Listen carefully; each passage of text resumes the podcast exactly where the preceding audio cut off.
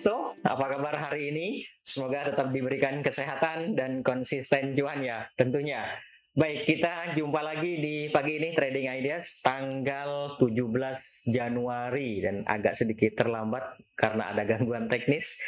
Dan seperti biasa, sebelum kita membahas tentang ide-ide trading, ada baiknya kita review dulu pergerakan IISG di perdagangan kemarin.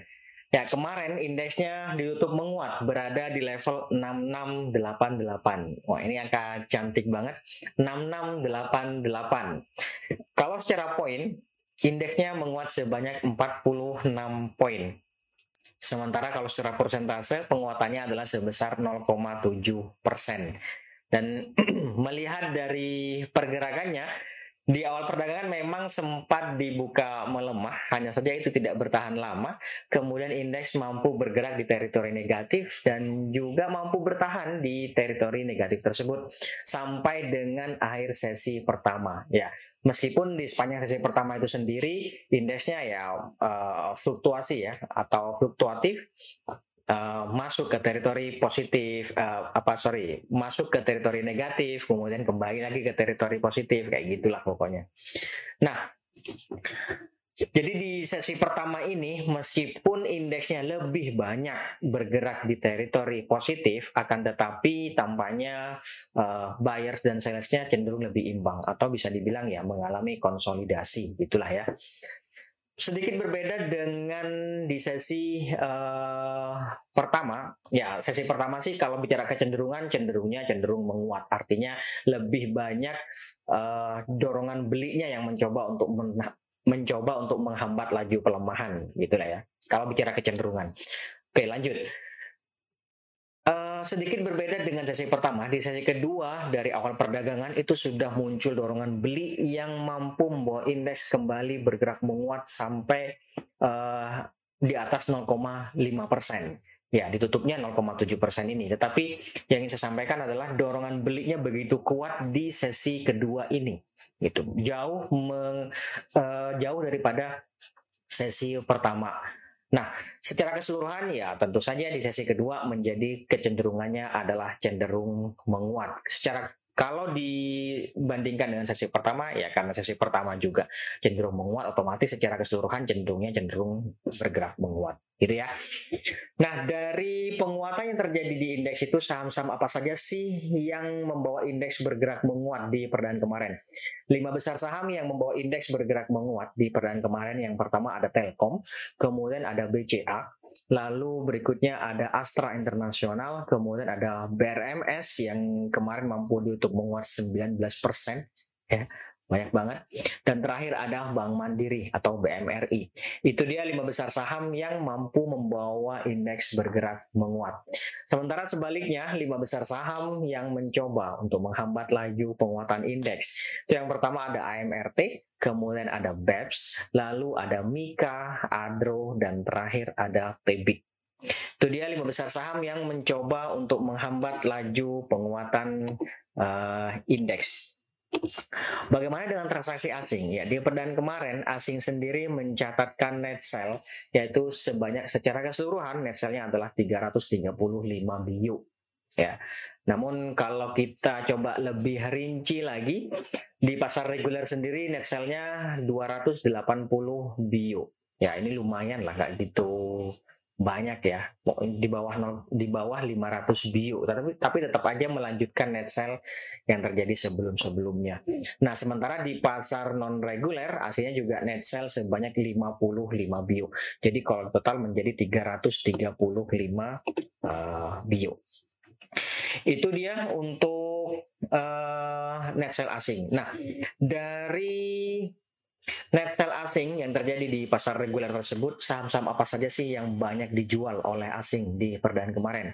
Lima besar saham yang paling banyak dijual oleh asing di perdaan kemarin, yang pertama ada BCA, kemudian disusul oleh Bank Mandiri, lalu ada Goto, Goto termasuk juga uh, yang paling banyak dijual oleh asing, kemudian BRI, dan terakhir ada ICBP.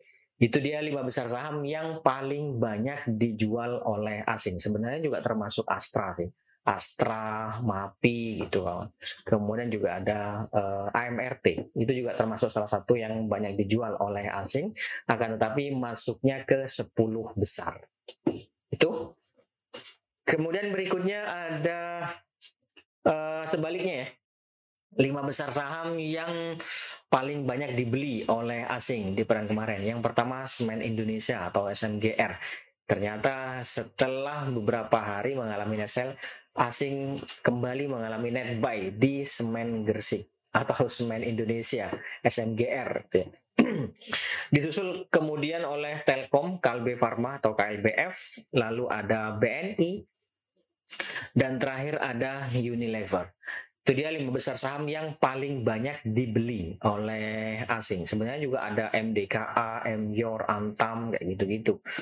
Termasuk juga BRMS ya. BRMS tadi kan uh, masuk uh, top leading ya. Leading atau paling banyak yang membawa indeks bergerak menguat salah satunya adalah BRMS dan juga termasuk yang paling banyak dibeli oleh asing. Cuman masuknya ke 10 besar. Itu ya baik itu dia untuk transaksi asing bagaimana dengan outlook hari ini ya kalau melihat nah sekarang kita ke sini nih ke grafik Ya, kalau melihat uh, pergerakan indeks yang terjadi di perdaan kemarin ini, ini kan white closing Marubozu namanya ya. Nah, agak aneh-aneh aja gitu ya. Nah, yang jelas dia mencoba untuk bergerak melewati resistance level yang ada di 6685. Ya, kemarin 6688 apakah bisa dibilang itu uh, break up? Uh, belum tentu. Gitu ya. Nah, kalau secara kalau selama berapa ini kurang lebih sih dari sepekan terakhir dia sebenarnya mengalami konsolidasi uji resist yang ada di 6685 ini. Memang penguatan yang terjadi di perdaan kemarin sampai 6688 nomornya cantik banget atau angkanya cantik banget. Nah, ini sih memberikan peluang untuk berlanjut menguat. Terlebih lagi stokastiknya kan ini juga mulai bergerak meninggalkan oversold area. Ya enggak? White closing Marubozu juga terbentuk Artinya kan kalau what closing Marubozu itu uh, dorongan belinya hadir atau muncul sampai dengan uh, akhir sesi perdagangan, gitu ya. Nah, diperkirakan hari ini sih akan kembali bergerak fluktuatif dan kecenderungan masih menguat terbatas. Memang bisa saja sih di awal-awal dia dibuka melemah terlebih dahulu atau bergerak melemah terlebih dahulu, tapi seiring dan berjalannya waktu pelemahannya semakin menipis bahkan tidak untuk kemungkinan uh, apa namanya berada di teritori positif gitu ya. Tren pergerakan antara 6630 ya di sini nih kawan. Ini supportnya nih. Resistennya ini uji EMA eh, 20 nih ada di sini nih. 6745. 6630 sampai 6745 ya di level-level itulah kurang lebih. Itu ya. Baik itu untuk IHSG. Sekarang kita ke ide trading. Barangkali ada yang punya ide trading uh, cukup menarik atau ya ide trading apa aja lah pokoknya boleh disampaikan nanti kita lihat bareng-bareng biar bisa cuan bareng-bareng juga. Oke, yang pertama ada timah. Ya, timah ya, tins. Oke, ini dia tins. Ya, Tins di perdaan kemarin mampu ditutup menguat. Penguatan memang uh, bergerak melewati resistance level yang ada di 1200. Ini ada dua uh, dua strategi yang bisa dipertimbangkan. Yang pertama adalah uh, trading buy. Boleh sih trading buy ini. Trading buy ya 12.15 sampai dengan 12.30 saya pikir boleh dipertimbangkan di level-level itu. Nanti target take profitnya di 12.65. Ini kawan nih 1265 sampai dengan 1290 lah di level-level itu. Itu boleh dipertimbangkan uh, trading buy ya. Yang kedua strateginya adalah buy on breakout. Karena kenapa? Kemarin memang dia bergerak menguat melewati ini 1200 ini. Hanya saja kemudian dia apa? terhambat atau terhalang atau bahasa ini kepentok gitu. Terhalang oleh EMA 50 ini. Ya kan? Nah, penguatan di atas ini ini berapa nih? 12 ini di 12.30. Jadi buy on breakouts-nya di atas 12.30. 12.35 sampai 12.40 saya pikir uh, bisa juga dipertimbangkan di level-level itu. Nah, kalau dapat harganya di atas 12.30 uh, ya 12.90 sih uh, apa namanya cukup idealnya untuk take profit itulah itu ya. Yang jelas untung lah. 1265 pun sebenarnya sudah untung. Cuman apakah cukup? Nah nanti disilakan dihitung sendiri ya. Itu stop lossnya di bawah berapa? Stop lossnya kalau uh, tentu sih idealnya di bawah sini nih di bawah 1200 artinya kalau dia gagal bertahan di atas 1200 berarti kan potensinya adalah mengalami konsolidasi lagi nih. Kayak kayak ya kurang lebih sebulan terakhir inilah yaitu di 1150 sampai dengan 1200 di level-level itu kawan Oke, itu dia untuk timah. Kemudian kita lanjut dulu. Ada uh, sebentar. Tekim, Tekim dulu. Ya, Tekim ya. Nah, ini Tekim. Tekim di perdaan kemarin memang mampu ditutup menguat dan uh, sebenarnya meskipun dia mampu ditutup menguat, penguatannya ini sebanyak lumayan sih 3 poin ya atau 75 rupiah. Nah sebenarnya dia mengalami konsolidasi kan ya nggak? Nih konsolidasi mencoba untuk bertahan di atas 6.700 jadi menurut saya ada dua strategi juga nih yang bisa dipertimbangkan. Yang pertama adalah boleh ini spekulatif buy. Kenapa demikian? Karena ini MACD-nya golden cross nih. Jadi saya pikir ada peluang sih untuk bergerak menguat uh, dalam jangka pendek gitu ya Pertama spekulatif buy, kemudian yang kedua adalah buy on weakness juga boleh. Kalau spekulatif buy itu di 6825 sampai dengan uh, eh, 6925 boleh dipertimbangkan di level-level itu. Nah kalau mau buy on weakness berarti ya 67 sampai 68 lah kurang lebih uh, di level-level itu. Kalau dapat harga di berapa? Katakanlah 6925 boleh. 6925 berarti target take profitnya 7125 di sini nih kawan. Nih di di yang ini nih garis MA uh, 200 uji MA 200 lah gitu ya. Itu kalau dapat harga di 6925 atau bahkan dapat harga di 6825 juga boleh sih 7125. Di atasnya emang ada 7250 ini yang garis biru nih. Ini 7250 nih. Gitu. Oke, itu dia untuk uh, Tekin. Nanti stop lossnya di bawah 6700 di bawah sini nih kawan. Di bawah yang garis merah ini. Ya kalau dapat harga di 6700 misalnya buy on witness dapat harga di 6700 atau 6800 ya ke bawah lagi deh. 6 di bawah 6650 atau di bawah 6600 gitu boleh juga. Itu ya. Itu untuk Tekim. Berikutnya ada Inco Inco Ya, ini dia Inco. Inco ini kemarin memang mampu tutup menguat, tapi kalau kita lihat nih ya, saya gedein dulu deh. memang mampu YouTube menguat, sempat bergerak melemah, hanya saja kemudian dia mampu ditutup menguat. Akan tetapi penguatannya itu atau closing price itu ditutup lebih rendah dibandingkan dengan opening price. Artinya muncul black candle, ya kan? Nih, Nah, sampai dengan saat ini tampaknya harga masih belum mampu nih untuk bergerak di atas 7550 di atas ini nih kawan. Jadi menurut saya kalau sudah punya barangkali ikutan beberapa hari terakhir ya ada baiknya sih dipertimbangkan untuk take profit gitu 7550 boleh 7550 sampai dengan 7 500 atau 7475 boleh dipertimbangkan di level-level itu. Nanti bottom fishingnya ya bisa dipertimbangkan di 7350 gitu misalnya. Jadi kalau katakanlah laku di harga berapa? 7500 katakanlah ya. Kalau kita belinya kemudian uh, bottom fishingnya di 7350 itu kan sudah untung. Apakah cukup? Nah silakan nanti dihitung ya. Memang cukup idealnya bottom fishingnya di sini sih. Jadi kalau misalnya laku di harga 7500 atau kondisi idealnya laku di 7550 ya nunggunya atau bottom fishingnya 7250 di sini nih kawan itu ya. Oke itu untuk inco kemudian kita lanjut dulu. Degik push degik masih betah di degik kawan masih betah dong naik kok ya enggak? Nah masih sih masih seperti yang uh, sebelum-sebelumnya saya sampaikan. Uh, 150 sudah kecapai, 145 tercapai. Kalau targetnya kan gini nih.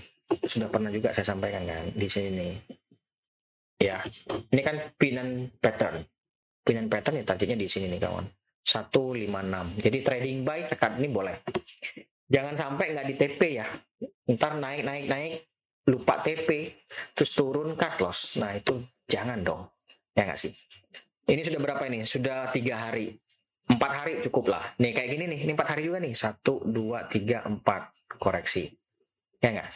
Ini tiga hari, empat hari cukup lah ya. Satu lima lima barangkali ada yang punya di harga satu empat puluh gitu misalnya. Atau kemarin baru ikutan, ya boleh dipertimbangkan untuk TP 156. Sini nih kawan. Ya, setidaknya target dari pola sudah kebentuk. Walaupun memang pada kebanyakan itu uh, biasanya lebih dari pola. Entah itu bearishnya ataupun bullishnya biasanya sih melewati pola. Tapi ya setidaknya uh, nikmati dulu lah keuntungannya gitu ya nggak sih? 156 uh, ininya. Kalau terdekatnya di sini kawan, uh, berapa ini? 152. Jadi gini, misalnya nih hari ini dia naik 152 ternyata nggak sampai 156 eh, misalnya. Terus turun lagi. Setidaknya 152 ini bisa juga dipertimbangkan sebagai trailing stop manual gitu ya. Tapi kalau mau yang metik kalau mau yang metik ya ada sih di uh, pak uh, pakainya desktop investasiku. Di situ ada trailing stop yang sudah metik. Jadi naik terus-terusan kayak gini ke, begitu nanti turun berapa? Kita style katakanlah 4 poin atau 5 poin atau bahkan 3 poin mungkin. Begitu nanti turun 3 poin langsung otomatis kejual. Gitu. Kalau mau nyoba hubungi aja. Bukan mau nyoba sih. Kalau mau hubungi CS aja karena masih dalam versi beta. Gitu ya. Oke itu untuk the gig the gig Kita lanjut, lanjut lagi ada sebentar. Kalbe Pharma. Wow, ini dia Kalbe Pharma. ya, Kalbe Pharma ini ter, uh, di perdana kemarin termasuk salah satu yang paling banyak dibeli oleh asing. Ya, uh, di perdana kemarin. Ya, apakah berlanjut hari ini. Yang jelas dia mengalami konsolidasi nih, mencoba untuk bertahan di atas level psikologis 2000. Jadi menurut saya melihat juga stokastik yang uh, bullish crossover nggak ada salahnya sih ini spekulatif buy. Boleh juga spekulatif buy. Atau kalau mau buy on ya bisa saja. Di kemarin closing 2060, 2030 boleh juga. 2020 sampai 2050 buy on di level-level itu boleh juga. Nanti target take profitnya di berapa? Sini aja dulu kawan, nggak usah jauh-jauh. 2110 ya. Atau bahkan dapat harga 2050, jual 2100, saya pikir cukup. 2110 kemudian di atasnya ada 2150. Bisa dipertimbangkan take profit di level-level itu dulu. Gitu ya. Uh, stop lossnya ya tentu di bawah 2000, di bawah level psikologis 2000 gitu ya. Oke, itu untuk uh, Kalbe Pharma nomor berapa? Paling banyak dibeli oleh asing. Nomor tiga kemarin. Ya nomor tiga paling banyak dibeli oleh asing Kalbe Farm. Oke kemudian kita lanjut. Harta. Harta. Ini karena uh, apa namanya emas-emas pada naik gitu ya kemarin kan RMS kayak gitu-gitu. Harta arci gitu ya. Jadi semua pada naik semua nih. HRTA kalau melihat nih mudah-mudahan kelihatan ya. Nih saya giniin deh. Mudah-mudahan uh, kelihatan nih. Kalau melihat dari pergerakan harga 220 nih targetnya kawan. Ya kan? Ini kan dia mengalami konsolidasi Nih, supportnya di sini yang kuat yaitu di level psikologis 200. Nah, kemarin dia bergerak di atas 210. Eh. Ya kan? Penguatan berikutnya 220 sampai 224. 220 sampai 224 di level-level itu gitu ya. Nah, melihat eh, apa namanya pola bukan pola apa kebiasaan yang terjadi uh, begitu mengalami long white candle hati-hati pause atau uh, brace gitu ya. Kayak gini nih. Kelihatan nggak? Kayak yang ini nih kawan. Kayak yang ini nih. Ya ini kan memang sih dia kemudian langsung ke 220 nah bisa saja hari ini dia ke 220 dulu uji 220 dulu terus kemudian turun lagi koreksi sampai 214 gitu misalnya. Jadi menurut saya sih kalau misalnya hari ini dia open gap mending tunggu di bawah. Ya kalau sudah punya bisa dipertimbangkan uh, jemur di 220 ini. Kali aja kering gitu kan. Oke itu untuk harta. Berikutnya NATO. Secara tren ini nggak menarik ya jadi kalau mau nyimpen uh, harta eh, kok harta NATO boleh nggak saya sih ini nggak tertarik saya nggak tertarik atau uh, ini nggak menarik gitulah kalau kalau bicara tren ini nggak menarik nah Kalau bicara swing ini juga memang menarik gitu ya. Kalau tren ini kan terbentuk lower low, lower uh, lower high, lower low, lower high, lower kayak gitu terus lah pokoknya. Artinya trennya masih uh, cenderung melemah. Nah kalau untuk memanfaatkan fluktuasi jangka pendek ya bisa saja. Tapi konsisten ya. 500 atau 496 sampai 500 boleh dipertimbangkan di level itu. Maksudnya konsisten itu apa? Jangan kita uh, mau manfaat fluktuasi jangka pendek, tapi begitu untung 1-2 persen gitu, enggak di TP dulu, berharap ke uh, 550 atau reversal gitu, enggak terlalu menurut saya kejauhan kalau ke sana. Uh, sampai dengan saat ini masih terlalu jauh kalau mengharapkan reversal. Kenapa? Ya karena memang trennya kuat, masih lower low, lower high, lower low, lower high kayak gitu, gitu ya. Jadi kalau hanya untuk memanfaatkan fluktuasi jangka pendek ya boleh sih. Jadi misalnya trading buy ini trading buy ini jatuhnya. Trading buy 486 uh, jual 496 sampai dengan uh, level psikologis 500 di level-level itu. Gitu ya. Oke, itu untuk NATO terakhir, terakhir kawan. Terakhir kita ada hmm, tower. Oke, tower. Ya, tower ini masih uh, boleh saja tower ini buy on weakness 11.30 sampai 11.45 di level-level itu. Nanti TP-nya di 11.75 di sini kawan. Gitu ya. Ini golden cross nih ininya nih, apa EMA 20-nya nih. Nih, menarik sih. Oke, baik. Saya pikir itu dulu kawan Visto untuk hari ini. Terima kasih atas kehadiran dan partisipasinya. Kita jumpa lagi besok tetap jaga kesehatan. Mohon maaf jika ada salah kata. Sekali lagi terima kasih. Selamat pagi, salam investasiku for better tomorrow.